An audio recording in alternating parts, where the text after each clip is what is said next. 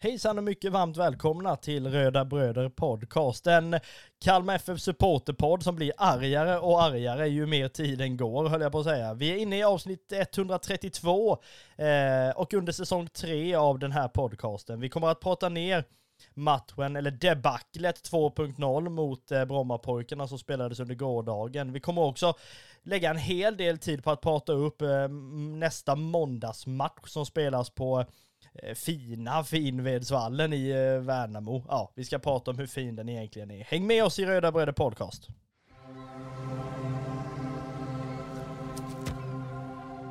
Vi säger väl som vi brukar då, att vi hälsar dig som lyssnar välkomna till Röda Bröder Podcast.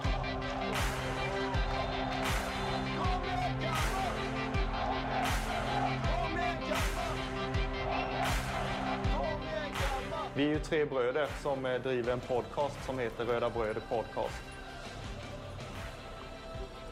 Eh, det är jag, Kristoffer Karlström, och det är min lillebror Marcus och min andra lillebror Andreas. Podcasten handlar bara om Kalmar FF.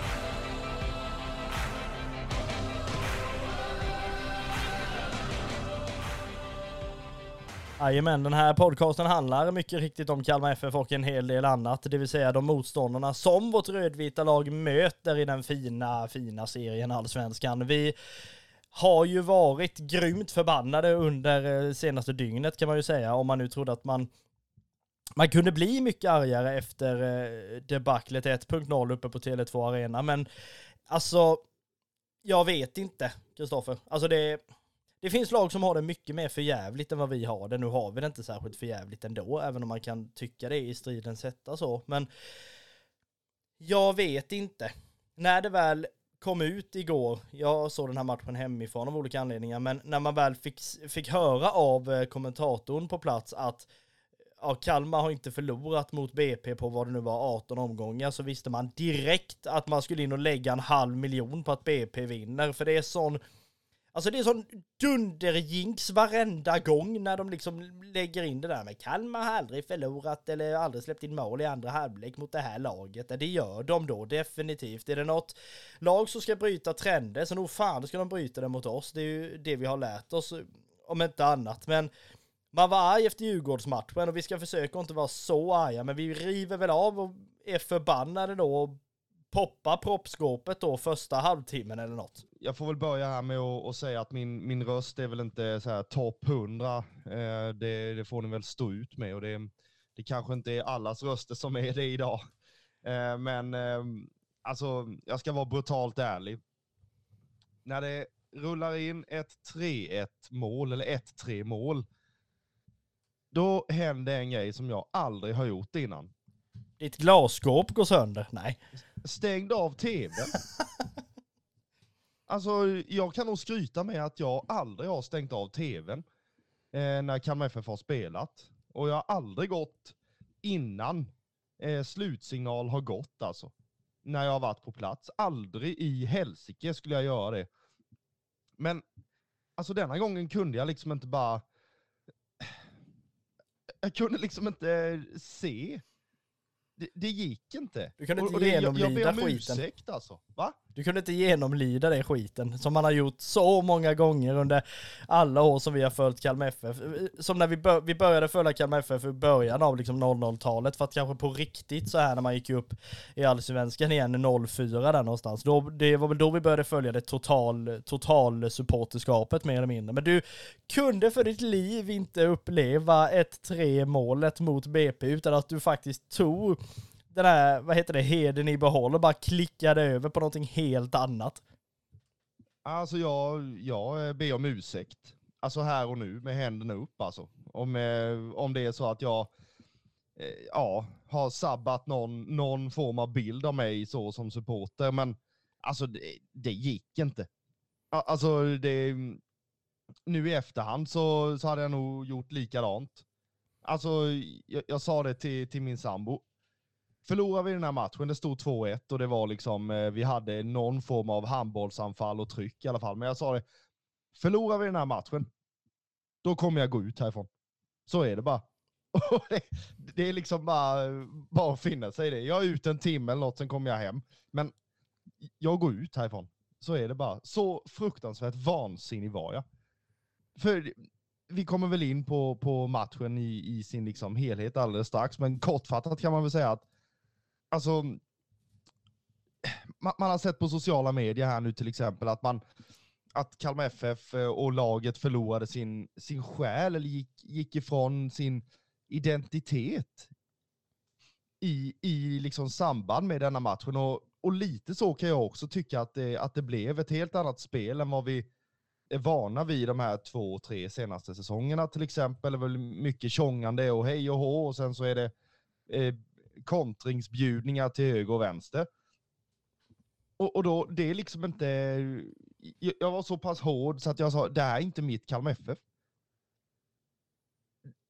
Liksom, det, det är så mycket som Kalmar FF står för och har stått för i så, så många år. Som är det här gratis, liksom. Man kämpar för varandra, man kämpar för sina supportrar, för de som är på plats, för sina lagkamrater, för emblemet på bröstet. Alltså det var, det var inte mycket sånt alltså. Sen eh, är jag ju skitnegativ här. Och det är, det är alltid så dagen efter match liksom. Ja, men det, är ju inte, ja. det är ju inte konstigt heller. Jag menar, det är väl nästan lite det där att, jag menar, det här att stänga av tvn eller verkligen bara drämma liksom eh, handkontrollen i bordet och gå ut. Det är väl nästan lite det här eh, hemmasittandets busvisslingsorkan skulle jag nästan vilja säga. Du vet när liksom när man väl släpper in 1-3 och liksom all form av sång bara liksom blir en enda stor visselorkan som bara liksom ekar över hela ståplats eh, och hela arenan också för den delen. Det borde ju vara någon form av att alltså man unisont bara märker, alltså det är väl det som är oturen med att inte alla matcher spelas när det är mörkt. Man hade ju sett unisont hela jävla ljusstaden bara när det blir 1-3 bara släcks ner av liksom 50, 60, 70, 100 liksom tv-apparater. Så bara klick, nu ser vi inte den här skiten mer. Men en annan fråga jag måste fråga är, vart fan gick du då? Gick du och väckte halva Norrliden då och bara röt ifrån över vilket skit det var samtidigt som folk satt och kollade när Barcelona tog hem La Liga igår? Gick du och skällde du ut fullständigt? Alltså jag kan säga så här, jag har nog aldrig varit så tyst någonsin.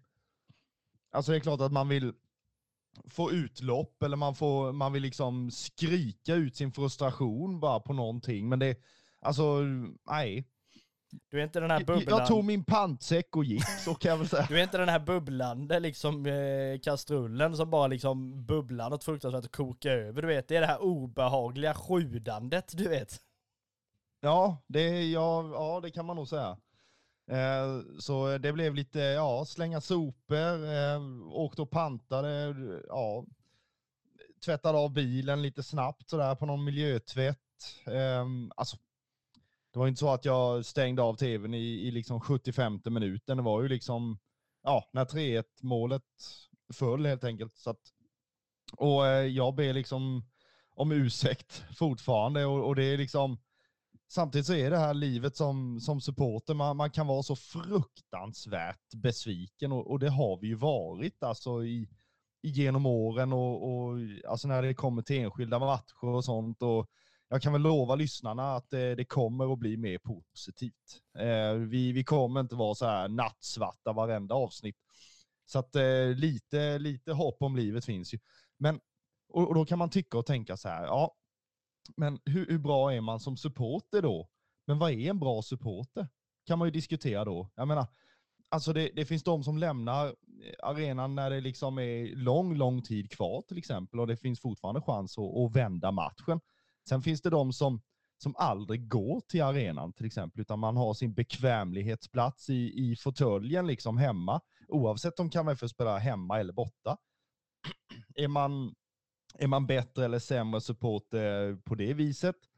Eh, alltså jag var ju tv-supporter igår av liksom eh, anledning att vi hade varit borta hela helgen uppe i Norrköping med, med familjen och hej och hå. Det tar, tar lite på, på krafterna så. Men, eh, och sen hör ni ju min, min röst är ju sådär. Eh, och då, då var jag inte på plats. Men givetvis så vill man ju vara där så pass mycket att, eh, som det bara går. Alltså jag vill ju se Kalmar FF live så mycket det bara går, men, men det jag vill komma till nu då i det här jäkla raljandet, det är ju att alltså, för mig så är en bra supporter, alltså den som, alltså, man ska kunna bli besviken, förbannad och, och liksom tycka att eh, spelarna är värdelösa i typ, eh, ja, närmsta dygnet. Sen efter det, då får man fasen knyta näven och nu är det en ny match på måndag. Alltså jag har nog släppt det här imorgon eller något så, hej och hå, säkert. Eller tro mig inte. Men, men samtidigt så är det så att då ska du fasen ge fullt stöd i nästa match. Det är då du räknas som en bra supporter i mina ögon. Ja, alltså man, man kan ju säga så här, jag tycker man har rätt liksom att, att reagera hur man vill. Alltså vill man väl, alltså väljer man att gå från arenan i ja, vad fan vet jag, i 50 minuten om man nu ligger under med 2-0, ja men gör det då då. Skyller du på att det är mycket bilar och att du ska komma ut snabbt, ja men skyll på det då, även om det överhuvudtaget inte är sant. Men det är liksom, alltså då, då har man ju den inställningen då. Jag menar, är man då Alltså bara den supporter som kommer till arenan när det vankas storlag eller när det liksom, alltså på riktigt gäller någonting. Jag menar, jag är väl med den som känner att de riktiga supportarna, och nu, nu blir jag så här som får stå med mössan i hand på något sätt.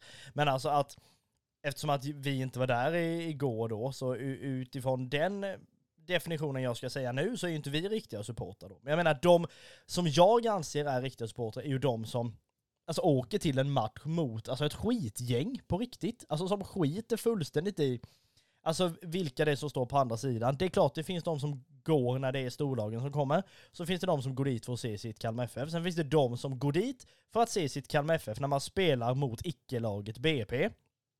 Det är liksom yt alltså det, det är ytterligare ett liksom hack eh, i, i den här liksom, eh, ytterligare ett pinnhål så kan man ju säga. Och det, det liksom kan liksom, ja, jag vet inte, störa mig någonting grymt på. För jag blev ju också rasande igår. Det var ju tur att min sambo inte var hemma utan att hon hade egen match då. Men det var ju, man, man jag tror vi, vi har upplevt så mycket som supportrar utan att vi för den sakens skull är skitgamla. Så att, alltså man har varit upp nere i kval och man har varit ur allsvenskan och man har varit det ena med det femte och sådär. Jag tror vi har upplevt en hel del under de här senaste åren. Så att man liksom, blir inte förbannad längre. Alltså det, det, det är liksom ingen ilska som kommer in igen. Det är bara en, alltså en stor besvikelse. Precis som du liksom säger att man kan se det som att det inte var ens Kalmar FF som liksom spelade matchen igår. Eller kan man se det som att det var ens Kalmar FF som spelade matchen igår, men som var klappkassa. Det kan man också se det som. Och det är väl klart att man kan se det på olika sätt, absolut. Och det är precis som när vi har pratat med med Jens Karlsson efter matcherna. Det finns ju ingen spelare som inte i varje situation gör sitt yttersta och det är ju fan med en förutsättning för att du ens ska ha på dig den rödvita tröjan. Men när man liksom Ja, jag vet inte. När, när, när, man liksom på något sätt bara märker att det har stannat av någonting. Alltså det är, det är inte ens Ja, man brukar ju säga att man har någon dipp under säsongen. Alltså det här är ju inte en dipp, det är ju en dubbeldippning som är så totalförbjuden i chipsskålarna runt om i Sverige. Att man får ju liksom, man kan spela skit mot Djurgården på liksom, eh, ja, balkongmattan de hade där uppe. Det är väl okej okay på något sätt, men samtidigt så, att spela mer eller mindre bli utspelade mot ett lag som BP, det ska liksom inte ens vara det ska inte vara tillåtet. Det ska liksom inte finnas överhuvudtaget. Sen vet jag nu att verkligheten är lite annorlunda. Nu är väl inte BP ett skitgäng då med tanke på att de vinner mot oss med 3-1. Men det är liksom, de har bevisat någonting att de kan gå upp och hota lite. Eh, och det man då blir irriterad över det är att när vi liksom släpper in 1-2 målet så är det som att luften går ur. Det är som att spelarna själva vad fan ligger vi under mot BP? Och så bara tappar man huvudet fullständigt.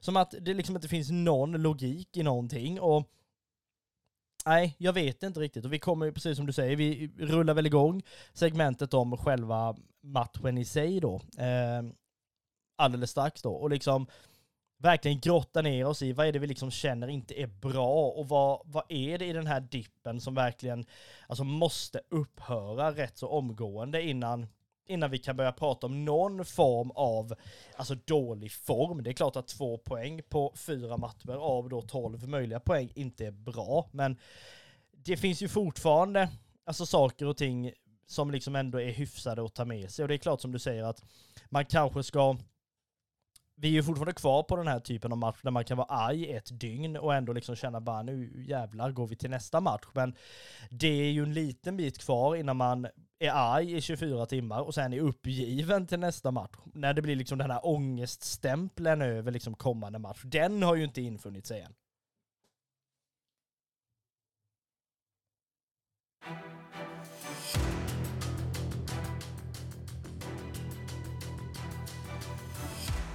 Vi kliver väl ner då och tar tag i den här skiten då och desikerar matchen Kalmar FF BP något så ordentligt som vi bara kan. Vi pratade inför då den här matchen att vi skulle få en rejäl rödvit revansch då som gällde. Vi skulle ta ner de här jävla Brommapojkarna på jorden med vårt sätt att spela. Få se att de skulle få lida för det som hände mot Djurgården på Tele2. Vi hade ett par spelare som verkligen behövde steppa upp i våran mening.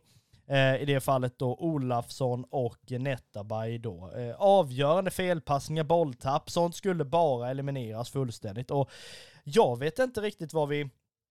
Om vi vänder bladet då och liksom tittar på vad fick vi ut av den här matchen då? 90 minuter plus tillägg, hemma mot BP, hyfsat soligt, halvfullt med folk. Liksom, vad fick vi ens med oss från det här?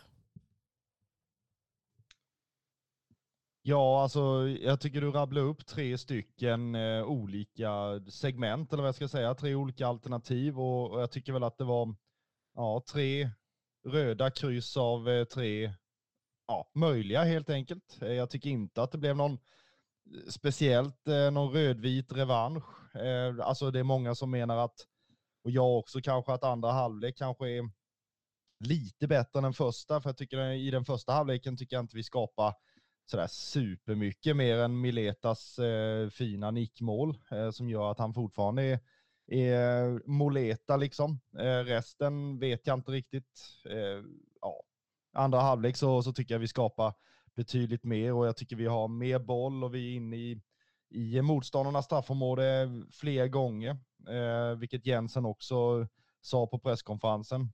Så att eh, alltså någonting åt det hållet får man väl ta med sig. Samtidigt så tycker jag att alltså, det är många avgörande felpassningar och, och bolltapp som vi, som vi bjuder på återigen. Eh, vi bjöd på det mot, mot Djurgården på, på Tele2 och, och nu på hemmaplan mot, mot BP. Så att, ja, alltså jag tycker inte vi, vi fick väl inte ut sådär jättemycket mer än att kanske, ja, vi, vi spelade lite bättre i, i andra halvlek och då liksom fokus på lite. Ja, alltså nypa saltet får vi väl ändå säga. Liksom, det var inte så att det var en, alltså mycket bättre andra halvlek. Alltså jag, jag vet inte om jag tycker någon av halvlekarna är särskilt bra överlag. Alltså det, det jag måste liksom säga först, och det här är ingen kritik mot våran chefstränare på något sätt, men det kan väl vara ett ifrågasättande i alla fall. Inte mot honom som person eller tränare, för helvete, men just Alltså någon form av uttalande. När man liksom sitter inför matchen och den här kommentatorn då som kommenterar matchen eh, ändå ställer en hyfsat alltså, eh, berättigad fråga då till eh, Jensen då att David Olafsson har presterat sådär under de senaste matcherna. Det har varit lite fel, alltså det är felpassningar, det är liksom avgörande lägen och bla bla bla och sånt där. Och han är ändå kvar i startelvan, hur ser du på det? Man kan ju på ena, å ena sidan kan man ju då säga att, men vem fan ska vi ha istället då? Alltså det, som vänsterback nu, i huvudet så är det typ Olafsson som vi har, som är liksom den som vi ska ha där. Det är ju liksom, han är ju prio ett oavsett någonting annat. Men när man då liksom går in och sätter den pressen på den här killen att, ja men han är Sveriges bästa vänsterback, så det är inte konstigt att han ska starta. Ja, jo, absolut. Han är, han är en av de bästa vänsterbackarna vi har, men jag känner väl att det blir en hög press på den spelaren som redan kanske är nere i någon form av formsvacka. Och då blir det så liksom signifikativt för hur hela den här situationen med Kalmar FF nu är, när det är Olafsson som slår bort den här passningen igen. Det blir liksom, det liksom rimmar inte i huvudet på mig. Alltså du kan inte säga innan matchen att det är eh, allsvenskans och Sveriges bästa vänsterback och sen liksom är det återigen en nästan identisk felpassning som det var mot Djurgården. Det blir, det blir jättelustigt och det kan ju vara att jag är dum i huvudet och inte fattar men det kan ju ändå ligga någonting i det kanske. Jag tycker att det blir det blir så himla lustigt och jag vet inte alltså egentligen alls vad, vad liksom man, man tänker med under den första halvleken. Det är klart att man skapar inte jättemycket, man har ett avslut på mål och det blir mål. Och det är ju som Jensen säger i halvtid, ja men gör du mål, eh, så, alltså gör du mål på ett avslut så behöver du ju inte fler avslut. Jag bara, nej, det har du inte, men jag tror inte det, eller det behöver du inte, men jag tror inte det är det som är problemet heller. Jag tror att vi har kommit in i någon form av svacka där vi skapar alldeles för lite och det blir liksom mycket halvchanser och skott utanför och liksom man är nästan lite tillbaka i det här Kalmar FF för så här 5-6 år sedan när det började bli det här springa in med bollen i mål istället för det här våga skjuta tufft och göra mål. Alltså istället för den. Och nej, jag vet inte. Sen är det väl också det här precis, precis som du säger att men Jensen pratar om på presskonferensen att bolltempot går för långsamt och liksom jo, Fast är det så, alltså, for, jag, jag, vet inte, jag är inte taktiskt kunnig på, på det planet i fotbollen, men alltså det här med trebackslinje, ska det vara det jämt? Alltså ge det någonting. Nu höll jag på att säga, det är väl, det är väl nästan den här, det här avsnittets titel känns det som. Ge det här oss någonting, gav det oss någonting. Och jag menar, vad, vad, bör, vi, vad bör vi göra då? Om vi ska liksom lekmannagissa fullständigt nu, vad är det vi ska göra i, i den här situationen. För uppenbarligen så är det ju, alltså inget fel i spel, spelidén, men det är fruktansvärt slarvigt. Det är liksom, det är bolltapp, det är liksom spelare som inte tittar runt sig ordentligt, som bara liksom litar på någon annan hela, hela tiden. Och det är ju två av målen igår kom ju av det. Att det är en spelare i BP som kommer på kanten, det är en, en spelare i mitten som lämnar sopred framför en halv miljon rödvita spelare. Jag liksom, vad är det liksom vi ska göra då? Är det bara slarvigheter som sen då vi bara ska eliminera och sen är det bra igen? Ja, alltså tusen frågor tror jag du nådde upp där. Vi får se om jag kan svara på någon av dem i alla fall. Men, men eh, alltså om, om vi tar målet till exempel då, deras eh, ja, kvitteringsmål så är det ju ett, eh, alltså han smyger ju upp bakom ryggen på, jag vet inte om det är Gojani eller om det är, eh, ja, någon av dem är det i alla fall, men jag tycker att man borde ha lite bättre koll på, på att han kommer in i den ytan, för det är ju den ytan som ofta blir, alltså som de ofta söker när man spelar ner och sen snett inåt bakåt. Jag menar, det är, det är en självklar yta att, att slänga in bollen i. Och, och det sker liksom två gånger denna matchen och att man inte lär sig det av första målet. Och sen även har de något mer anfall där de gör precis likadant. Men då måste man ju ha koll på det och vem är det som går dit? Vem har den ytan? Det kan ju vara så att det är Gojani som ska ha den ytan för att han har den här lite mer ja, tillbakadragande Kalle Gustafsson-rollen. Så det kanske är han som ska ha den ytan. Då måste man kolla på det, vrida på det, se till så att han har den förbaskade ytan då.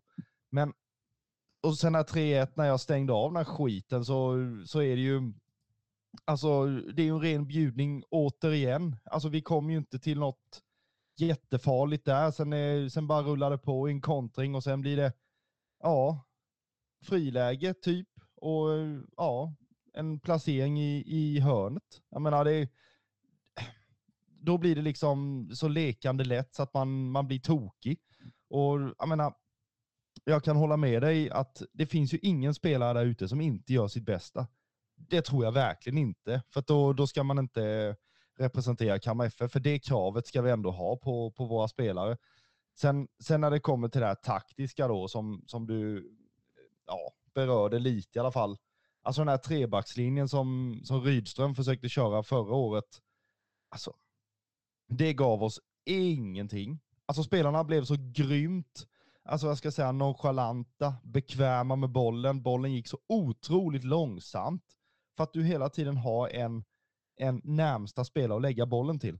Alltså du, du behöver inte slå de här hotande passningarna som, som vi har sett tidigare när vi har kört med rak fyrbackslinje. Vi har en trea och sen så har vi två tior, en nia. Jag menar, de bollarna som, alltså målet vi gör mot IFK Göteborg hemma, till exempel, när bollen går perfekt till eh, en Netabay, det är en rak passning från backlinje till Netabay som kan vända upp i en yta. Och sen eh, hotar backlinjen, lägger den till skrabb och sen är det mål. Effektivt och bra samtidigt som vi har brutit linjer och spelat på det sättet som, som Kalmar FF ska spela. Det är vår identitet. Att spela kortpassningsspel och nå fram till, till målchanser. Alltså det är inte de här långpastejerna från Sätra till Mileta som, som de nickar bort. Alltså tio gånger av tio igår så är det precis så. Och det är, det är liksom, ja, Kalmar FF 2020 typ. Och, och den fotbollen vill vi inte eh, köra. Vi är väl nere nästan på Kalmar FF 2010 när de liksom hade läst sönder guldlagets, alltså ja, grej med att vi hade någon spelare, vem det nu var i backlinjen då, om det var Sorän eller om det var Eklund eller vem det nu var som skickade bollen upp liksom i brösthöjd på David Elm som sen plockade ner den till någon annan liksom. Vi sa det innan, Mileta är ingen David Elm, Mileta ska inte ha bollarna så pass. Han kan få bollarna på fötterna, felvänd och sen hålla bort för att han är så jävla stark liksom och sen servera någon annan. Men det här, precis som du säger, vi sa det innan under liksom eh, i början av säsongen. De kommer läsa sönder honom. Alltså skickar du då en Alltså en, en boll, eller en höjdboll, skicka den då på något sätt i djupled eller vad fan som helst som gör att han kan då liksom löpa ifrån sin motståndare. Men när, när det väl blir som du säger att de nickar bort bollarna hela tiden och vet ju det. Kan det vara så att man helt plötsligt är så sönderlästa nu i, i den här delen av säsongen att nu har de fattat. Bollarna kommer att gå till Mileta vissa gånger i det här fallet och då ska vi bara se till att plocka ner honom. Och han blir ju bortplockad. Det är klart han gör mål, fantastiskt fint mål igår, men sen är han ju bortplockad resten av matchen. Och det är många liksom som skyller på att, ja men det är, alltså som tar den enkla vägen, att ja men det är för att Kalle Gustafsson är skadad. Nej, det handlar inte om det. Jag menar det är klart att han är en, en av våra absolut viktigaste spelare och att det blir liksom lite halvhönsgård i mittfältet, men det är liksom det är inte så att han är den helt avgörande pusselbiten för att vi nu plötsligt har fyra gjorda mål och åtta insläppta.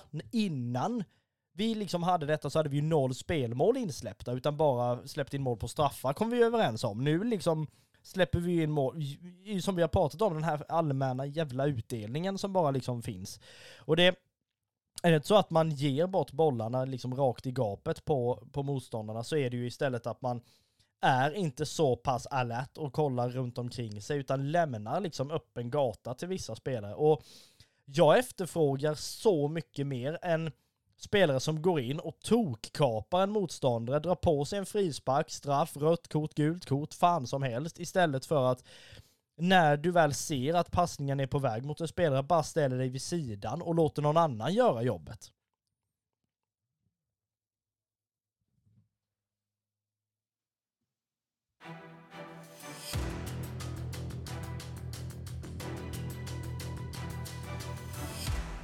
Vi gör väl som så här att vi eh, kollar väl lite smått eh, kring eh, ett par av de punkterna vi hade med oss också, inte bara det här med långbollar och det. Alltså vi måste bara beröra en grej eh, som du jättegärna får hjälpa mig med och jag vet att vi har en hel del lyssnare på Twitter som har eh, berört detta också. Har vi någonsin gjort mål på alla dessa korta hörner? Det är liksom, jag vet inte vad det är. På något sätt det här passning och sen så ska det liksom slås inlägg igen. Du har ju möjlighet att slå inlägg på liggande boll. Skicka bara in den. Ja, alltså jag vet inte om jag är rätt, rätt man för, för det här jobbet riktigt. Men, inte eh, jag heller uppenbarligen. Det är därför vi sitter här. Ja, det är det möjligtvis. Men eh, alltså någon, någon form av nytta har ju korta hörner också. Jag vet inte om... Alltså, Ja, alltså slår du den kort så måste ju någon av deras spelare eller två stycken lämna straffområdet och, och komma ut och möta den som ska slå inlägget, vilket gör att det kan bli ytterligare en yta ledig i straffområdet. Det, det kanske är en gissning. Jag menar, sen så, ja, alltså, ja, annars vet jag inte. Det, det är ju bara så. Jag har väl bara bilden av, eh, nu är det ju inte alltid sådana Kalmar slår korta hörnor, men jag har nästan bilden av att en kort hörna resulterar nästan alltid i att motståndarnas backlinje liksom går upp och man lämnas bakom deras backlinje och så har en spelare som har fått bollen inte riktigt koll på det och så skickar han in bollen och så är det offside istället. Man blir nästan alltid avvinkad för det. Och jag tror inte det finns någon som någonsin har blivit avvinkad för offside på en vanlig hörna. Så bara brunka in att i mitten, det är inte så konstigt egentligen. Nej, men sen så tycker jag väl att vi, vi har skapat alltså, alldeles för lite på, på fasta situationer. Det, det tycker ju, alltså Jensen eh, berörde väl det i senaste barometern tror jag och då, då fick jag också upp ögonen för det att ja, men vi har nog inte skapat sådär, alltså vi är inte jättefarliga på fasta situationer även om vi, vi har spelare som, som är kapabla till det. Jag menar vi, vi har spelare som kan slå fina hörner. Vi har Sätra till exempel, vi har Sjöstedt, vi har alltså Mileta. Jag menar, det, vi har ju spelare som kan som är bra i luftrummet också och som vi kan skapa, skapa chanser på helt enkelt. Så att det är klart att fasta situationer är något område vi, vi behöver bli bättre på att förvalta helt enkelt, även om jag tycker att alltså, de flesta målen vi ska göra ska vara spelmål. Men eh, det, det skadar ju inte med ett hörnmål från Sätra någon gång ibland. Men snacka om att frångå sin identitet som Kalmar FF, att för en gång skulle inte vara bra på liksom fasta situationer. Det är väl på något sätt att chocka motståndarna. Att liksom bara, okej, okay, här kommer Kalmar nu, de har fyrtorn i backlinjen, de har brasilianare på kanterna och de är bra på fasta situationer. Inget av det stämmer längre. Fan, får vi ändra alla pärmar vi har om Kalmar FF?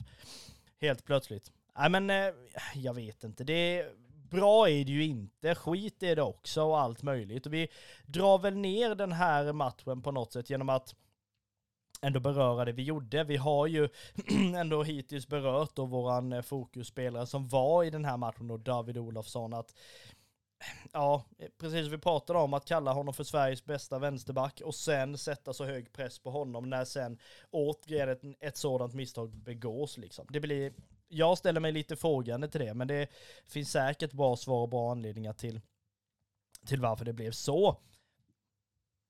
Alltså det är någon, någon anledning till att han kanske, jag vet inte om han känner sig för säker där ute på vänsterbacken eftersom han, han har ju ingen riktig konkurrent egentligen på den, på den positionen. Alltså något alternativ jag kan tänka på det är ju Jaffa Poo till exempel som är, som är tvåfotad och kan spela både högerback och vänsterback. Vilket innebär att Olafsson borde ha lite flås i nacken av att Jaffa kanske skulle kunna starta någon match här nu framöver för att ja, Olafsson ska, ska kanske vakna till lite och inse att alltså sådana här kostsamma misstag som leder till mål är, är liksom, ja, det får man sluta upp med nu. För att alltså det har blivit så här, jag vet inte, är det tredje matchen i rad eller någonting så är det Alltså Netabay tappade en del boll mot, eh, mot Djurgården, vilket resulterade i, i en kontring. Eh, och Olafsson, han, han har slått passningar rakt i gapet på motståndare, vilket har gett målchanser. Så att, alltså li, lite flås i nacken borde han ju känna. Även så kan jag störa mig på att man, eh, alltså man hänger ut enskilda spelare bara för att man gör ett misstag så här. Alltså det gör jag också, så det, det är ju inte så att jag är Guds bästa barn i det här fallet. Men, men samtidigt så är det ju så att alltså det är ett kollektivt, alltså vi släpper in mål ihop och vi gör mål ihop. Jag menar, det finns ju en anledning till att vi släpper in mål och en anledning till att vi gör mål. Det är att alla spelare har gjort sitt jobb i just den situationen. Och då kan man inte lasta bara de här spelarna för de här målen, utan man måste kolla till hela kollektivet i, i de situationerna. Sen tycker jag samtidigt att David Olafsson har sett, alltså kanske lite för bekväm ut. Och Netabay också. Så att, eh, ja, någon form av justering, men samtidigt så vill jag inte se någon förbaskad trebackslinje. Nu fick jag det sagt också, för att jag tycker att rak fyrbackslinje, trea, tvåa, etta. Så det är så vi har spelat hittills och det var det som gav oss alltså kortvarig serieledning i, i den här säsongen. Så att varför man har ändrat till en 3-4-3 eller något sånt där, det, det, har jag inte hajat riktigt, men det, det får jag väl spendera natten till och, och försöka fundera ut.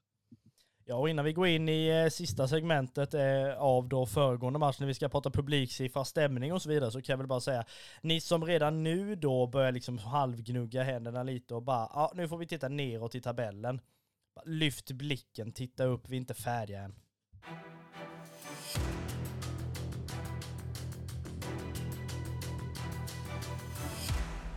Gårdagens publiksiffra slutade ju då på 5161 personer på Guldfågeln Arena. Det är väl ändå en okej siffra. Visst, det är en söndagsmatch. Det är liksom tyvärr en sen söndagsmatch. Det är mot eh, dynggäng som sagt och då blir det ju tyvärr som det blir. Men någonting vi ändå måste beröra då, det var ju det som folk reagerade på på Twitter om bland annat. Fan älskar Twitter alltså. Det är mycket grejer där om det inte är vårt egna forum på svenska fans. Men det här med sittplats på kurvan. Vi har ju, vi har ju stolar av någon förgjordad anledning. Jag försökte få fram lite, lite diskussion med eh, ja, Henrik Andersson på kansliet där. Vad man kan göra åt de här stolarna egentligen och vad det finns för, för idéer och möjligheter med det. För det är klart att Alltså jag tycker väl det är intressant överhuvudtaget att folk köper biljett till hemmastå men väljer att sitta. Jag menar då ser, fattar de inte överhuvudtaget. Och jag menar, det har ju blivit väldigt mycket mer, alltså yngre supportrar på ståplats och det är väl jättebra att liksom återväxten finns om det nu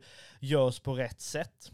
Men att du liksom blir den här formen av, alltså den yngre generationens tröttkeps som liksom går och sätter dig på en ståplats för att det är billigt nu då med telefonen i högsta hugg. Jag menar, då är det fel fokus och då kan man inte komma och skylla sen på att ja men det är hårda ord från ståplats och det är liksom en annan kultur där. Ja men då har du inte fattat vad, liksom, vad, är, vad en ståplats är. Det handlar om passion, det handlar om verbalt, visuellt stöd, punkt slut i 90 minuter och liksom har du en flagga framför dig i 90 minuter, ja men flytta dig åt sidan då. Det finns folk som har lagt tid, pengar och fruktansvärt mycket energi att liksom göra de här visuella konstverken som då är flaggor, banderoller och så vidare. Att du sen då ska stå bakom den här personen och bara klaga över att du missade en hörna på grund av att den här fina flaggan var framför dig.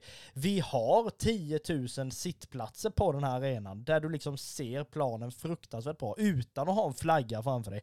Och enda gången jag har sett en stor flagga på en sittplats, det var nu i, i premiären när vi var i Malmö när de hade en, en stor jävla megaflagga på ena kurvan där och jag tyckte lite synd om dem som satt där. Men det vad gör man åt det här? Det är ju liksom, folk blir bara frustrerade och det pratas ju om att ståplats säljs slut och allt möjligt och de, det har varit jättestämning de första matcherna hyfsat i alla fall och det är klart att man kan bygga på det och vi vet vad vi kan på ståplats och så vidare. Men Ursäkta, men när det blir på något sätt lite den här, som man säger, fritidsgårdstämningen på en ståplats, vad, liksom, vad gör man åt det då? Ja, alltså först och främst så tycker jag väl att, eh, eller tycker, jag tror att den här diskussionen handlar om att man har, alltså det finns personer som har suttit på betongen alltså, på, på ståplatsen. Det är inte bara diskussionen kring att det är sittplatsstolar i kanterna på kurvan, utan det är folk som liksom köper biljett till ståplats eh, och sitter ner den i är, betongen. Den är bara sjuk. He, he, helt ärligt. Jag liksom förstår noll och ingenting. Alltså det är, det är ju en, en bild som eh, ja, Kalmarknegan la upp på, på Twitter och han är ofta ganska pigg på att göra det och, och, han, han gör väldigt mycket för supporterkulturen tycker jag. Ja, visst. Samtidigt så är det ju så att alltså de personerna som väljer att göra det, alltså är de intresserade att gå på matchen överhuvudtaget och följa laget, okej okay, visst, gå och titta då. Men går du och bokar en plats på ståplats bara för att det är billigt och sätter dig ner i betongen? Jag menar, du har inte fattat grejen då. Jag menar, jag håller med dig alltså, det är inte ofta, men eh, ibland har du ett, eh, ja, en, en pling, pling i hjärnan så att säga. Och, och då är det ju så att eh, du tyckte att det skulle vara en skylt till eh, ingången på, på sydostkurvan till exempel. Ja, ja, att man, absolut. Ja, och, och det resonemanget tycker jag är jättebra. Det får du ju dra lite närmare också. Men alltså jag tycker att man ska vara beredd på vissa saker när man går in på ståplats. Alltså det tror jag att man är i nästan, på, på nästan varje ståplats i, i Sverige egentligen. Alltså du är ju beredd på att det kom, du, du kommer liksom att stötta laget sjungandes. Du kommer hoppa, du kommer eh, alltså få utstå flaggor, du kommer få utstå eh, banderoller, tifo, hej och hå liksom. Så att en sån skylt tycker jag vore klockrent. Det är ju bara liksom säga till eh, vår fina klubbchef och, och se till att en, en sån skylt kommer upp så att man gör sina besökare på kurvan alltså medvetna om vad man kan förvänta sig. För jag tror inte alla gör det. Nej, det tror jag inte. Och jag menar, jag, jag vet inte vad, jag menar på, på, på något sätt så vill jag nästan, de här som kommer till till ståplats för att det är billigt och sen sätter sig ner på betongen. Det är ungefär likadant som när man gick på gamla goda Fredriksskans och folk gick in, inte för att se fotbollen, utan för att donutvagnen råkade vara där på den platsen under matchdag, som annars stod någon helt annanstans i stan. Jag menar, det är dum i huvudet bara det. Men alltså, precis som du säger, jag det är inte så svårt egentligen. Jag kan fan snickra ihop den här skylten själv om det ska vara så. Alltså det, där det liksom är, alltså ett ställningstagande för vad en ståplats är. Att liksom, här, alltså på ståplats så stöttar man laget som vi sa innan, visuellt, verbalt och i 90 minuter. Um, Oavsett, man får acceptera att det kan förekomma skymd sikt på grund av flaggor och så vidare. Sen är det klart att de som håller på med flaggorna vill väl också se liksom viktiga händelser, så det är klart att om det är straff framför sydostkurvan så kanske man plockar ner den då. Men alltså de som respektlöst på riktigt ställer sig och liksom bara ursäkta kan du plocka ner din flagga? Ursäkta kan du gå härifrån? Liksom, det är bara Nej, det finns inte ett ja i den, i, i, i den ekvationen överhuvudtaget. Och det är ju det jag blir så trött på. Och jag, jag började fundera på det igår, för vad hände med den här, du som har gjort den här flaggan, skicka till oss på Twitter så ska du få allt beröm och all shoutout du bara kan få för den här flaggan som var eh, i förra matchen. I så mycket matcher nu vilka det var vi mötte då, men i alla fall. Eh, men det var väl Sirius hemma väl? Ja, ja just det, ja precis. Och då var det ju en skitfin flagga med ett stort lejon på. Grymt snygg. Jag menar den var ju, lyste ju med sin frånvaro. Och har den flaggan försvunnit för att någon tröttmössa har stått där och bett han dra ner den, då ska det bara tio sådana flaggor upp nästa match när vi liksom möter Peking på hemmaplan. Alltså det, nej, det är bara, folk får bara acceptera vad en ståplats är eller sätta sig på sittplats då, inte någon jävla betong. Ja, men alltså det är ju säkert en, en sån person som, alltså som hade suttit på sittplats säger vi, och sen så tänker han så här, ah, tråkigt att det inte är några flaggor på, på, i klacken. Mm. Och, och, så går han dit, och sen, eller om det är en hon eller vad det nu är, och, och ställer sig där och får flaggan framför sig. Och då tycker att det är liksom en skitdålig idé att vifta med flaggor. Alltså jag kan ge mig tusan paté en sån person.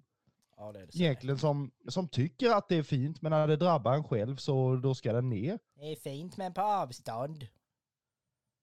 Ja, men eh, alltså någonstans så, herregud vad grymt negativa vi är här, men samtidigt så är vi inte det i detta fallet.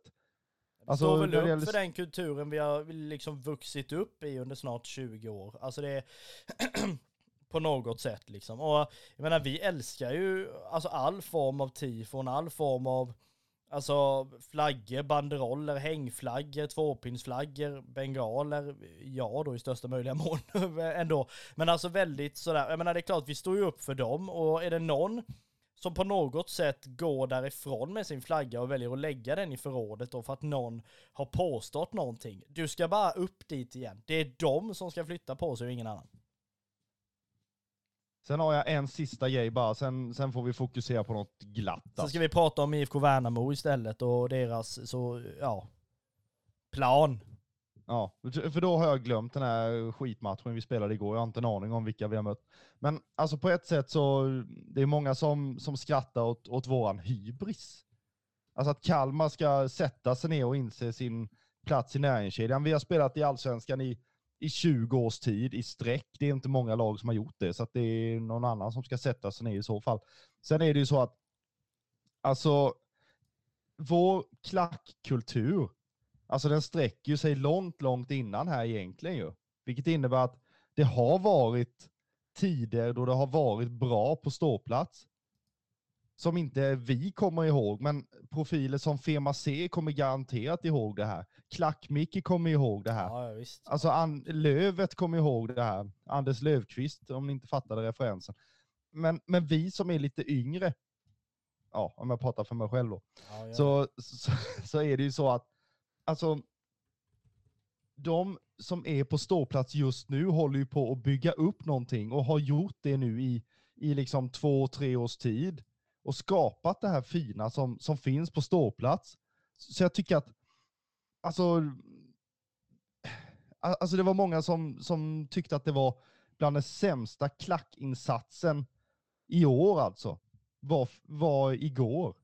Och, och jag vet inte om man, alltså en del är så här, ja det är nya ramser hit och dit, så här, ja men du har en capo som står längst ner, Bimma till exempel, som gör ett grymt jobb där nere. Vilket innebär att lyssna på när han kör. Lär dig texten. Försök att vara med så gott det går. Och sen när du har texten så ger du fullt stöd i sången. Jag menar, eh, de här som håller på just nu och är i den här alltså innersta kretsen där och kommer på nya ramser, flaggor, hej och hå liksom. Stötta dem och ge dem sitt, eh, alltså möjlighet till att fortsätta med detta. Alltså ramserna som, är, som kommer nu hela tiden, de är riktigt bra och står mycket för FFs identitet i sig. Så att lär dig ramserna. Det, det tar två, tre gånger liksom, men sen har du den. Och ge ditt fulla stöd för att det som var igår, det, supportrarna förtjänade inte spelet som var på planen. Men spelarna kanske inte förtjänade det tama stödet som var på ståplats igår. Sen vet jag att man ska vara på plats också om man ska klaga, men ja, jag tror ni fattar ändå. Ja, sen kan vi ändå säga så, eh, eh, bara för att avsluta det lite där, att det är klart att vi är skitglada över att, det, som vi sa, det finns en återväxt. Jag menar, eh, precis som du säger, de alltså äldre gardet supportrar, de var väl skitglada när vi började komma till ståplats och så vidare. Och, inte bara vi, utan väldigt många med oss. Och och de som är en stor del utav eh, alltså tifokulturen och det är nu i Kalmar, och det är klart att vi är jätteglada över de yngre supporterna som då kommer till ståplats, men då ska de också på något sätt liksom växa in i den här kulturen. Vad är det för kultur det är på en ståplats då, och kanske då framförallt på sydostkurvan. Um, så det är klart, ska du stå på ståplats så är det just det du ska göra och ingenting annat. Och vi lägger väl till det också då att i beskrivningen här eh, efter vårt avsnitt så kan ni eh, hitta en, ett swishnummer då till läktarfonden som KFFSU har. Eh, jag kan säga numret här också då. Det är 123 592 2372 för er som är snabba på att skriva. Om inte annat så finns det i beskrivningen. Skicka en peng dit, viktigt. Gå till bra grejer.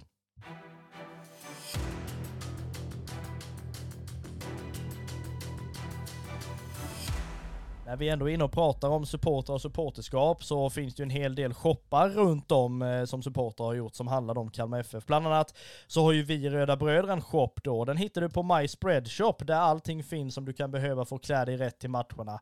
Vi har ju då våra egna loggor som finns tillgängliga till både dam, herr och de yngre supporterna. Gå gärna in och botanisera där för din chans att köpa hem dina produkter från Röda Bröder. Vi säger tack så mycket till er som eh, redan gör detta.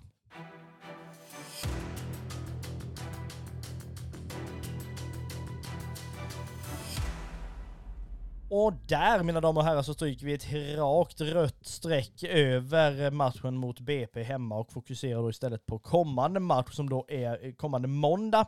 Eh, det vill säga då om ungefär ett dygn nu så är vi på väg hem ifrån Värnamo. Vi har då besökt eh, Finnvedsvallen som eh, inom en ja, hyfsad snar framtid kommer väl att jämnas med marken för att då byggas om eller renoveras eller vad det nu är. Man ska ju göra om den något fruktansvärt och till allas glädje tror jag. Eh, mer eller mindre. Och här börjar det ju redan nu bli slutsålt. Jag gick in och kollade bara lite biljettstatus och det är ju liksom inte en sittpinne kvar på den arenan så att det är ju ståplats som gäller då. Eh, hos då de här tio placerade Värnamo som, eh, ja, det går, går upp och ner för dem, så kan man ju säga. Ja, alltså man kan väl säga så här, det är lite så här varannan dags eh, väder, eller vad man ska säga. Alltså Värnamo har ju gått lite upp och ner. De tre senaste matcherna så har man förlorat, vunnit, förlorat. Eh, man har eh, förlorat då till exempel mot BP på hemmaplan med 0-1. Det har ju eh, andra man, gjort. Ja, med betydligt värre siffror också om man, om man ska vara så. Mm. Sen har man spelat mot Varberg hemma. De har vunnit med 3-1. Och sen nu sist så spelade man i Borås och eh, fick stryk med 2-0. Så att, alltså, jag vet inte riktigt vad jag har Värnamo, men eh, samtidigt så vet jag inte vad jag har mitt, mitt eget lag heller. Så att det här blir ju ett, en, en match att alltså kanske få lite klarhet i, i de här frågorna. Eh, samtidigt så tycker jag att eh, startelvan till exempel som eh, Värnamo ställde upp med mot, mot Elfsborg är ju, ja, alltså det är ju ett hyfsat namnkunnigt lag. Alltså man har ju någon namnkunnig spelare i, i vardera lagdel egentligen. Rashid till exempel som återigen är, är första målvakt. Eh, han har ju varit andra målvakt i, i Häcken i, i många år. Eh, sen har vi ja, Simon Tern till exempel, eh, som känner allsvenskan utan och innan, kan man ju lugnt säga, som har, som har hittat hem. Eh, Gustav Engvall i, i anfallet som eh, Eh, ska vara den här Antonsson-ersättaren.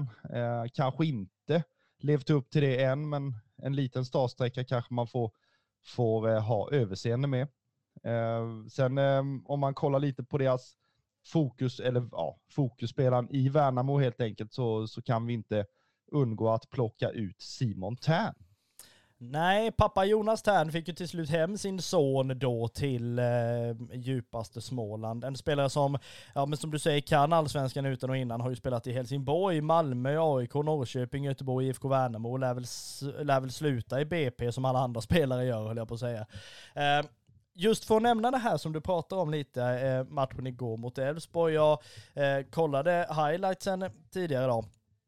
Dels från den matchen och dels för Kalmars match också, och blev ju förbannad igen. Men sen kollade jag då på matchen eh, Elfsborg-Värnamo då ju. Och det är en lurig match med två luriga lag som möts på Finnvedsvallen på måndag just på grund av att det är alltså misstagens match mer eller mindre om man nu får säga det så. Vi har liksom Rashid då i mål som du säger, gör det väldigt bra generellt sett, men alltså du vet den här Alltså tänk dig att du liksom är på, nu jobbar vi på skola både du och jag, men tänk dig när det är någon elev som får en riktig pangträff och skickar en boll in i liksom stenväggen när man kör på något sätt bollplank, du vet, och bollen bara studsar tillbaka.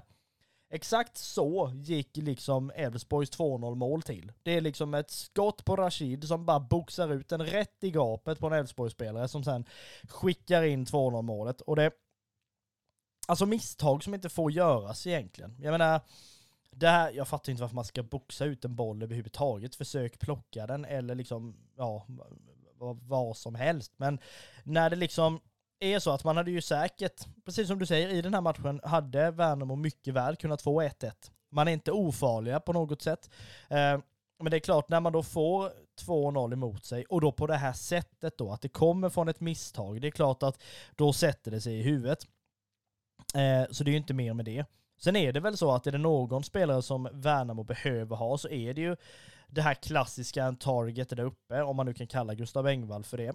Eh, fast det är ändå en bra spelare. Simon Tern naturligtvis som vi sa kommer hem, gör det, har väl ändå gjort det bra i de lagen han har varit i. Har ju varit, alltså haft problem med skador och så vidare och det är ju liksom inte kul överhuvudtaget. Sen är det ju en spelare, vi vet att det är en humörspelare, som liksom inte har bladet vid munnen överhuvudtaget när han pratar. Sådana spelare man tycker om att ha i allsvenskan som förgyller det. Och det här är ju en spelare som på något sätt kan ge liksom eh, Värnamo den här attityden att eh, kom inte här och kom ungefär. Han bidrar väldigt mycket till det och har gjort det i de här lagen han har varit i. Framförallt kanske i Göteborg där han eh, gjorde det väldigt bra. Eh, även om han spelade längre tid i både Malmö och i Norrköping eh, och så vidare. Han är ju inte första gången han är i Värnamo heller. Han började ju där från deras juniorlag och även upp i seniorlaget vid det, läge, vid det läget i historien när Kalmar tog guld och sen var han tillbaka eh, utlånad då under eh, ja, 2010 där någonstans. Så det är klart att det här är ju en spelare som alltså är van vid allsvenskan, har varit runt väldigt mycket. Alltså är en, en, en duktig spelare. Det är liksom en, deras motsvarighet på något sätt till liksom Kalle Gustafsson då i Kalmar FF. En spelare som ändå har någon form av attityd och det är väl ändå någonting vi liksom ja, men efterfrågar och som jag tror Värnamo ändå vinner ganska mycket på. Sen är det ju klart att det var väldigt glatt när vi var där förra gången. Ehm, då var det ju gratismatch, men trots det inte utsålt, vilket bara det är väldigt lustigt måste jag säga. Och det var mm, konstigt, det var någon sponsormatch och man fick grejer och alla möjliga goodiebags från jag vet inte, jag har någon mössa från Ravema hemma som bara ligger och skräpar. Du vet, man fick där borta. Det är, ja, det är intressant. Det var, ja, det var ju de som skickade fyrverkeriet när de förlorade ju. Precis, precis. Eh, och det, det var väl det som var mest, mest förvånansvärt. Alltså man får tokdäng med 3-1 och sen så kommer det rödvita fyrverkeri. Även om det var lite mer önsketänk att det kanske var rödvita då. Men eh, alltså Värnamo tycker jag är ett eh, lurigt lag alltså. Eh, förra året speciellt så tycker jag de spelade riktigt trevlig fotboll. Alltså man har liksom de här fördomarna kring nykomlingar. Alltså att det ska tjongas hit och dit och de ska springa ihjäl sig och det ska liksom, alltså de ska göra mål av någon form av eh, hybris. Att de, alltså de har ingenting att förlora. Alltså jag menar, Värnamo som nykomling åker upp till Friends Arena och möter AIK. Jag menar, det är ju inte någon överhuvudtaget som tror att de ska kunna vinna en sån match. Men så kanske de gör det av ren liksom, ja, vi har ingenting att förlora aura liksom. Och sen åker de hem med 0-1 och sen så är de, ja, lever de vidare på det nästa match och nästa match. Så här. Det här är ju det typiska svåra andra året för Värnamo skulle jag säga. Att man, alltså man har hållit sig kvar i allsvenskan. Man spelade otroligt bra förra året också. var en oerhörd överraskning i, i allsvenskan. Och man har en, en eh, stor, vad ska jag säga, en ekonomisk stabilitet också, vilket gör att de kommer att kunna bygga en ny fin fräsch arena. Eh, så att det är klart att Värnamo står ganska stadigt på, på jorden ändå, men det här svåra andra året, eh, ja, det, det gäller ju bara att hålla sig kvar i allsvenskan och sen efter det så kommer de nog kanske att försöka att bygga lite mer uppåt i tabellen så, men Alltså Värnamo är kul att möta tycker jag. Eh, jag har inget agg mot dem eh, trots att de är i alltså ett Smålandslag sådär. Så man har inte, alltså det är inte alls så mycket hets och så mycket gliringar och sånt som, eh, alltså om vi skulle möta eh, väderstrecket till exempel. Det, då är det ju, alltså i veckor innan alltså man är ordentligt ångestladdad och, och ehm, ja, förväntansfull mot Värnamo så är det liksom, ja, kul match, nära, hoppas många åker dit, så hoppas vi vinner, hej då. Ja men typ så. Jag menar det här är ju en, eh, utan att ha full koll på liksom hur man tänker i Värnamo så är det så här, man är ju inte, man förväntar sig inte att det ska bli skit heller. Jag menar, jag åkte dit förra året, Eh, åkte ju inte dit själv liksom, och åkte ju dit med folk som inte håller på Kalmar FF, eh, inte håller på Värnamo heller ska jag säga, men då inte ville stå på, eh, på bortastå. Och då, det fick man ju ändå respektera i den matchen, att, eh, att inte stå där då. Och då, att då gå in, liksom vi, det, ja, vi, vi stod ju på någon form av runt planen, bara det här gamla klassiska Fredriksskans eh, löparbarnstänket då.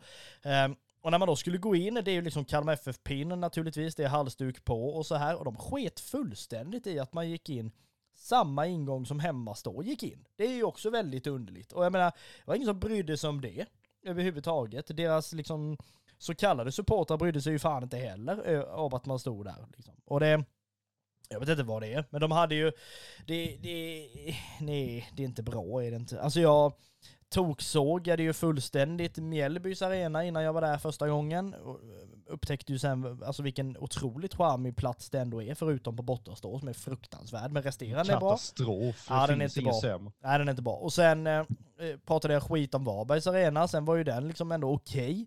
Ehm, när man nu vet var man kommer ifrån då, Fredrik Skans och så vidare. Men alltså jag kan inte på något sätt hitta någonting positivt, glatt, fint, roligt om Finnvedsvallen. Det är liksom, ah, det är, så, det är så tröttsamt, jag vet inte. Det är en ståplatsläktare och så är det en sittplats historia i mitten och sen är det någon form av bortastå och så är det ståplats markplan och ingång grushögen och det ena och det andra som det var när vi skulle gå in förra gången. Det är så det är så fruktansvärt, fruktansvärt. liksom, så jag vet inte vad det är. Inte nog med det, ingången till själva arenan, alltså där det står Finnvedsvallen, nu är ju inte det något sånt här fint vackert då som i Halmstad kanske när man kommer dit och Örjansvall, det är liksom eh, pittoreskt och fint och så kommer man in där. Här är det liksom Finnvedsvallen med vit text på läktaren. Du går alltså, ingången är alltså på läktaren. Finns inte en möjlighet att du kommer runt någon annanstans. Och, nej jag vet inte, det är väldigt, väldigt eh, svårtuggad arena det här måste jag säga. Det, det, Ja, det, ja. herregud alltså. Ja, det, är, det är inte roligt. Och fan vad folk skällde ut Fredrik Skans för att de fick stå på den här betongklumpen, den här rymdstenen som hade åkt från liksom månen ner, och, den här sektion O där det stod pinsamma öster på i hundra år. Alltså när de fick stå på den med taggtråd runt, det var ju inte charmigt någonstans. Men det... Och, alltså vad man, vad man unnar IFK Värnamo en ny arena överhuvudtaget och inte för deras skull, det för, vår- för våran skull för fan. Alltså nu, nu kommer jag säga det alla tänker här. Åk inte dit då för fan. Ja det också, men herregud. Alltså du är så fin i kanten så att det är skämmigt. Va? På vilket sätt då? Ja men det finns ingen arena du har krit... Alltså du, du var rätt tuff mot Varbergs arena förra året, men Ja, det detta var är ju katt. Alltså, nu vet jag inte, jag vet inte. Ja, Var det inte det jag sa för ett par avsnitt sen, att man pratade skit om, om Varbergs arena, så åkte man dit och så märkte man att den var inte det. Sen åkte, pratade man skit om Finnvedsvallen och så åkte man dit och upptäckte att den var ju skit. det var något sånt. nej du, ja. jag kommer inte få du är så gå ifrån... I kanten. Ja, jag Ja. skäms alltså. Ja, det, jo, jo. Det, ja, det är tur att det är jag som är storbror i den här familjen, så kan man ju säga. Är det någon av oss bröder som kommer ha en loge och så här räkmacka och bubbel innan matcherna så är det väl jag då förmodligen då med tanke på fin i kanten. Ja, jag kan ta en sprucken korv och, och eh, Johnny senap, liksom. Cola Zero eller något, Ja. sen är jag hemma. Det, det är liksom inte speciellt högre krav. Och det är, jag tycker det är det som är charmen med allsvenskan, att det finns olika typer av arena. Men du vill ju ha de här, Nej. Alltså betongklumparna Ja, landet runt, nej. oavsett om de är Alltså- från lilla Värnamo eller om de är från, ja, alltså ett av de största lagen liksom. Jag menar, Värnamo gör ju det på sina premisser Ja, jag- och, och allting. Inte för att jag har något till övers annars så, men vi ska bara åka dit och hämta poäng. Ja, jo. Och då skiter man ju i vad man spelar på liksom. Det såg vi ju uppe på Tele2. Alltså jag menar, jag vet, Nej, för du ska gå in med röda mattan liksom och det ska stå någon servitör med ja, plockepinn höll jag på att säga, men sån här snitta och, och något bubbel. har aldrig varit några snittar på någon, press, på någon pressplats jag har suttit på hela mitt Nej, liv. men eh, herregud. Denna gången slipper du gå in i den eh, fruktansvärda då inom situationstecken ingången. Ja, nu ska du gå in det lite finare hållet då, så får du se hur pressplatserna är på, på Finnvedsvallen. Jo, jag vet, det är intressant. Jag gör det ju inte för att jag på något sätt avskyr ståplats, herregud. Jag har vuxit upp där och älskar ståplats över någonting annat liksom. Men det är, det är svårt att skriva en krönika stående på en trång ståplats, så mycket kan man ju säga. Så det, det är väl lite av den anledningen. Men eh, nej, det, det, det är roligt. Är det. Alltså det, det, här är ju, det här är ju sagt med någon form av sarkasm i det också. Det är klart att jag inte tycker Finnvedsvallen är särskilt fin eller rolig överhuvudtaget. Och det gör ju inte de heller. Eftersom att de uppenbarligen vill ha en annan, annan arena. Det är ju inte konstigare än så. Men det är klart att det är ju det du har sagt, vi ska dit och hämta poäng oavsett om det är på Friends eller Tele2 eller Loveslund. Det spelar ingen roll, det ska bara hämtas hem. Eh, och det är väl egentligen det som är eh, tanken med det då. Och vi eh, Eh, går väl in på eh, alltså ett av de slutgiltiga segmenten då i det här.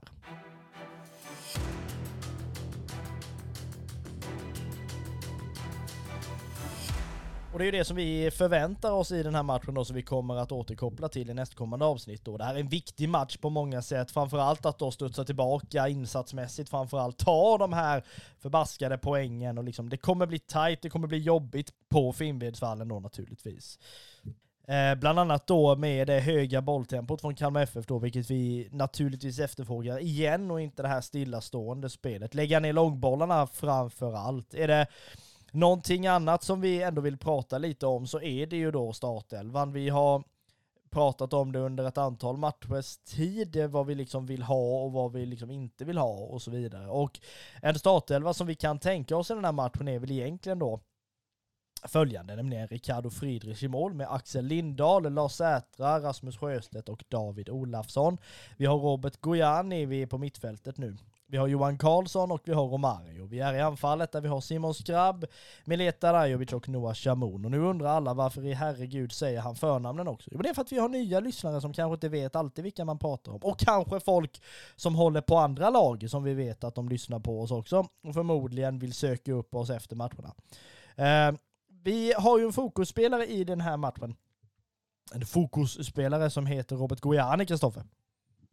Ja, det är helt riktigt. Och eh, alltså, jag tror många med mig såg att eh, Gojanis första halvlek mot eh, BP, även om lagets första halvlek inte var särskilt mycket att hänga i granen, så, så kan jag väl säga så här att Gojani tycker jag är en av de bästa på, på planen, så länge han är på planen förstås. Eh, och jag tycker att han, alltså, han tillför en, en dimension i spelet som, alltså, som jag tycker Kalle Gustafsson står för egentligen. Så när Kalle är borta så tycker jag Gojani är en ganska eh, ja, godkänd ersättare i det.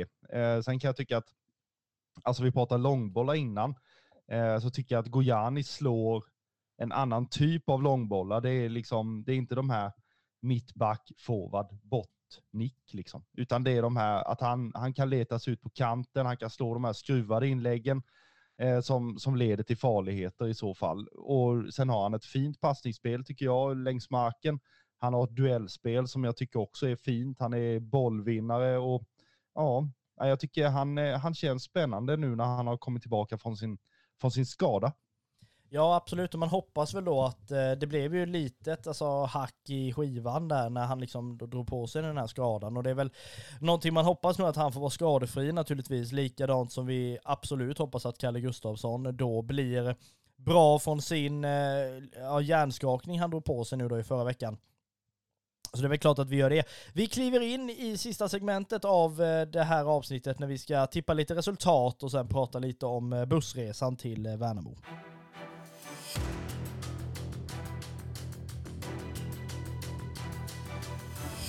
Vi är rätt så överens om att det ska studsas tillbaka något så gudförbannat i den här matchen naturligtvis. Jag tror väl, eh, eftersom att Värnamo ändå nu nu gjorde de ju inte mål i senaste matchen, men har visat att de ändå kan prestera mål då mot lag som eh, ja då Varberg framförallt, så tror jag ändå att vi kommer få släppa in ett mål i den här matchen. Men jag tror också att, och hoppas framförallt måste jag säga, att det lossnar nu i den här matchen. Igen, tillbaka upp på vinnarspåret och en 3-1-seger där målskyttarna blir två gånger Skrabb och en gång Romario.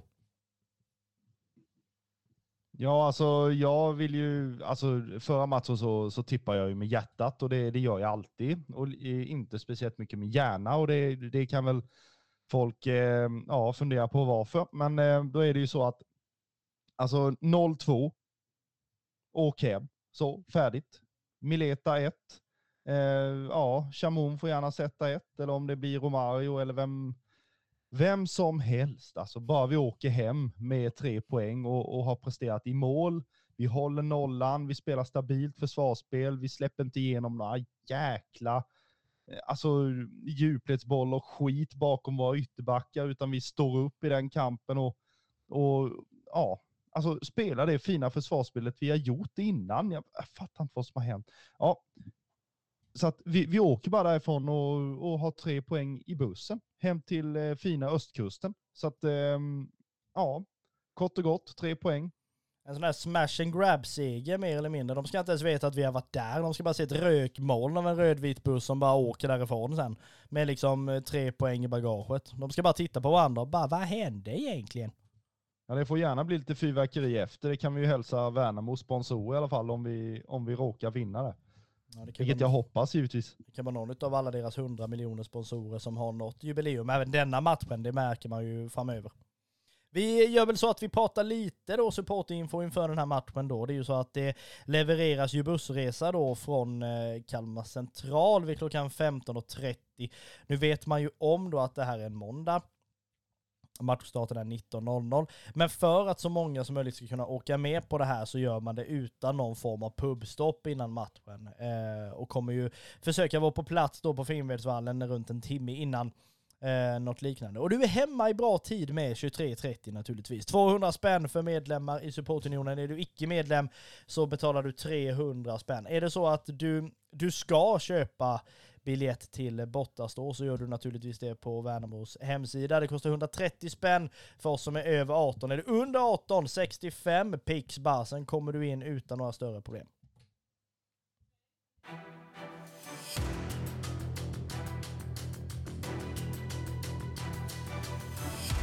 Röda Bröder Podcast eh, avsnitt 132 har bjudit på en hel del skit om eh, matchen mot BP där vi har dratt, eh, dragit lite i kablarna till det så kallade proppskåpet återigen och ja, hyllat de som hyllas bör, sågat de som sågas bör och naturligtvis då stått på ståplatspublikens sida i de här diskussionerna om eventuella sittplatsen på ståplats, gud förbjude.